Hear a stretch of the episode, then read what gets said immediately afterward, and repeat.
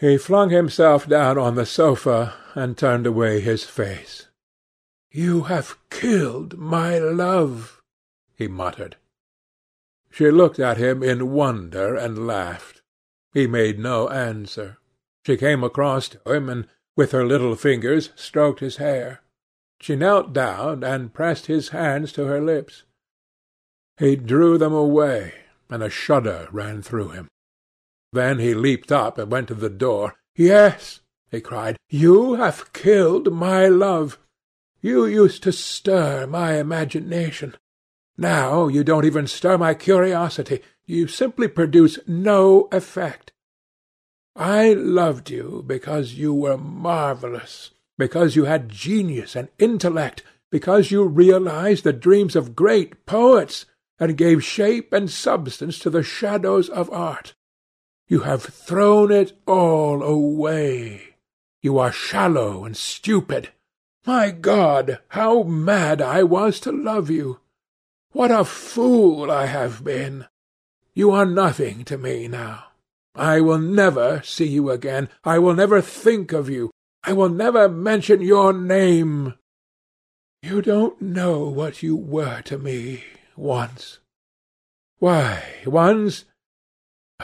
I can't bear to think of it. I wish I had never laid eyes upon you. You have spoiled the romance of my life. How little you can know of love if you say it mars your art. Without your art you are nothing. I would have made you famous, splendid, magnificent. The world would have worshipped you, and you would have borne my name. What are you now? A third-rate actress with a pretty face. The girl grew white and trembled. She clenched her hands together, and her voice seemed to catch in her throat. "You are not serious, Dorian?" she murmured. "You are you are acting." "Acting! I leave that to you. You do it so well," he answered bitterly. She rose from her knees, and with a piteous expression of pain in her face, came across the room to him. She put her hand upon his arm and looked into his eyes. He thrust her back. "Don't touch me!" he cried. A low moan broke from her, and she flung herself at his feet and lay there like a trampled flower. "Dorian, Dorian, don't leave me!" she whispered. "I am so sorry I didn't act well. I was thinking of you all the time. But I will try. Indeed, I will try. It came so suddenly across me, my love for you. I think I should never have known it if you had not kissed me, if we had not kissed each other. Kiss me again, my love. Don't go away from me. I, I couldn't bear it. Oh, don't go away from me. My brother. No, never mind. He didn't mean it. He was just in jest. But you ah, can't you forgive me for to-night? I will work so hard and, and try to improve. Don't be cruel to me, because I love you better than anything in the world.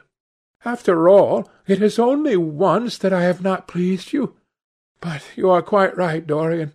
I should have shown myself more of an artist. It was foolish of me, and yet I couldn't help it. Oh, don't leave me! Don't leave me!" A fit of passionate sobbing choked her. She crouched on the floor like a wounded thing, and Dorian Gray, with his beautiful eyes, looked down at her, and his chiselled lips curled in exquisite disdain. There is always something ridiculous about the emotions of people whom one has ceased to love.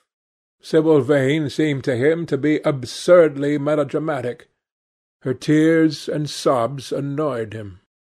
"I am going," he said at last in his calm clear voice.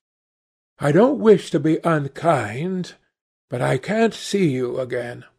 You have disappointed me." She wept silently, and made no answer, but crept nearer. Her little hands stretched blindly out, and appeared to be seeking for him. He turned on his heel and left the room. In a few moments he was out of the theatre. Where he went he hardly knew. He remembered wandering through dimly lit streets, past gaunt, black-shadowed archways and evil-looking houses. Women with hoarse voices and harsh laughter had called after him. Drunkards had reeled by, cursing and chattering to themselves like monstrous apes. He had seen grotesque children huddled upon doorsteps, and heard shrieks and oaths from gloomy courts. As the dawn was just breaking, he found himself close to Covent Garden. The darkness lifted, and flushed with faint fires, the sky hollowed itself into a perfect pearl. Huge carts filled with nodding lilies rumbled slowly down the polished, empty street. The air was heavy with the perfume of the flowers, and their beauty seemed to bring him an anodyne for his pain. He followed into the market and watched the men unloading their waggons. A white smocked carter offered him some cherries. He thanked him, wondered why he refused to accept any money for them, and began to eat them listlessly. They had been plucked at midnight, and the coldness of the moon had entered into them. A long line of boys carrying crates of striped tulips and of yellow and red roses defiled in front of him, threading their way through the huge jade-green piles of vegetables. Under the portico, with its grey sun-bleached pillars, loitered a troop of draggled, bareheaded girls, waiting for the auction to be over. Others crowded round the swinging doors of the coffee-house in the piazza. The heavy cart-horses slipped and stamped upon the rough stones, shaking their bells and trappings. Some of the drivers were lying asleep on a pile of sacks, Iris-necked and pink-footed, the pigeons ran about picking up seeds. After a little while he hailed a hansom and drove home. For a few moments he loitered upon the doorstep, looking round at the silent square, with its blank, close-shuttered windows and its staring blinds. The sky was pure opal now, and the roofs of the houses glistened like silver against it. From some chimney opposite a thin wreath of smoke was rising. It curled, a violet riband, through the nacre-coloured air. In the huge gilt Venetian lantern, spoil of some doge's barge, that hung from the ceiling of the great oak-panelled hall of entrance, lights were still burning from three flickering jets, thin blue petals of flame they seemed, rimmed with white fire. He turned them out, and, having thrown his hat and cape on the table, passed through the library towards the door of his bedroom, a large octagonal chamber on the ground floor that, in his new-born feeling for luxury, he had just had decorated for himself, and hung with some curious Renaissance tapestries that had been discovered stored in a disused attic at Selby Royal. As he was turning the handle of the door, his eye fell upon the portrait Basil Hallward had painted of him. He stared back as if in surprise. Then he went on into his own room, looking somewhat puzzled. After he had taken a buttonhole out of his coat, he seemed to hesitate. Finally he came back, went over to the picture and examined it. In the dim arrested light that struggled through the cream-coloured silk blinds, the face appeared to him to be a little changed. The expression looked different. One would have said that there was a touch of cruelty in the mouth. It was certainly strange. He turned round, and walking to the window, drew up the blind. The bright dawn flooded the room, and swept the fantastic shadows into dusky corners, where they lay shuddering. But the strange expression that he had noticed in the face of the portrait seemed to linger there, to be more intensified even. The quivering, ardent sunlight showed him the lines of cruelty round the mouth as clearly as if he had been looking into a mirror after he had done some dreadful thing. He winced, and taking up from the table an oval glass framed in ivory cupids, one of Lord Henry's many presents to him, glanced hurriedly into its polished depths. No line like that warped his red lips. What did it mean? He rubbed his eyes, and came close to the picture and examined it again. There were no signs of any change when he looked into the actual painting, and yet there was no doubt that the whole expression had altered. It was not a mere fancy of his own. The thing was horribly apparent. He threw himself into a chair and began to think. Suddenly there flashed across his mind what he had said in Basil Hallward's studio the day the picture had been finished. Yes, he remembered it perfectly. He had uttered a mad wish that he himself might remain young and the portrait grow old, that his own beauty might be untarnished, and the face on the canvas bear the burden of his passions and his sins, that the painted image might be seared with the lines of suffering and thought, and that he might keep all the delicate bloom and loveliness of his then just conscious boyhood. Surely his wish had not been fulfilled. Such things were impossible. It seemed monstrous even to think of them. And yet there was the picture before him, with the touch of cruelty in the mouth. Cruelty!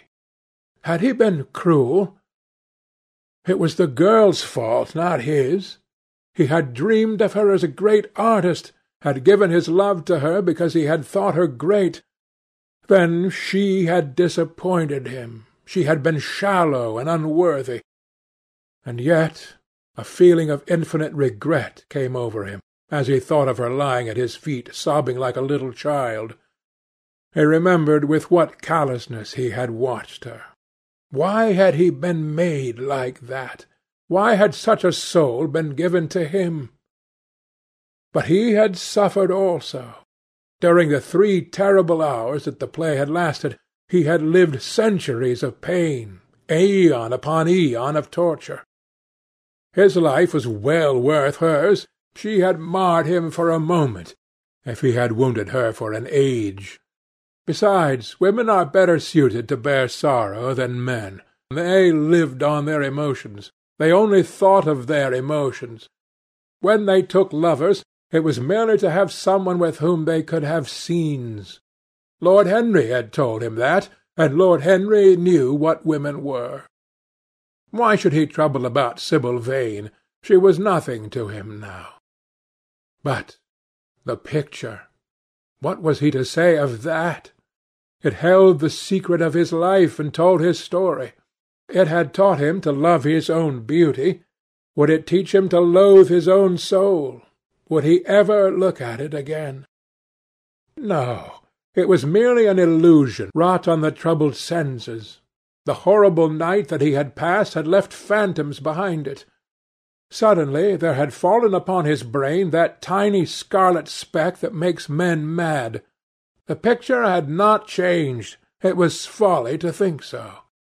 Yet it was watching him, with its beautiful marred face and its cruel smile. Its bright hair gleamed in the early sunlight. Its blue eyes met his own.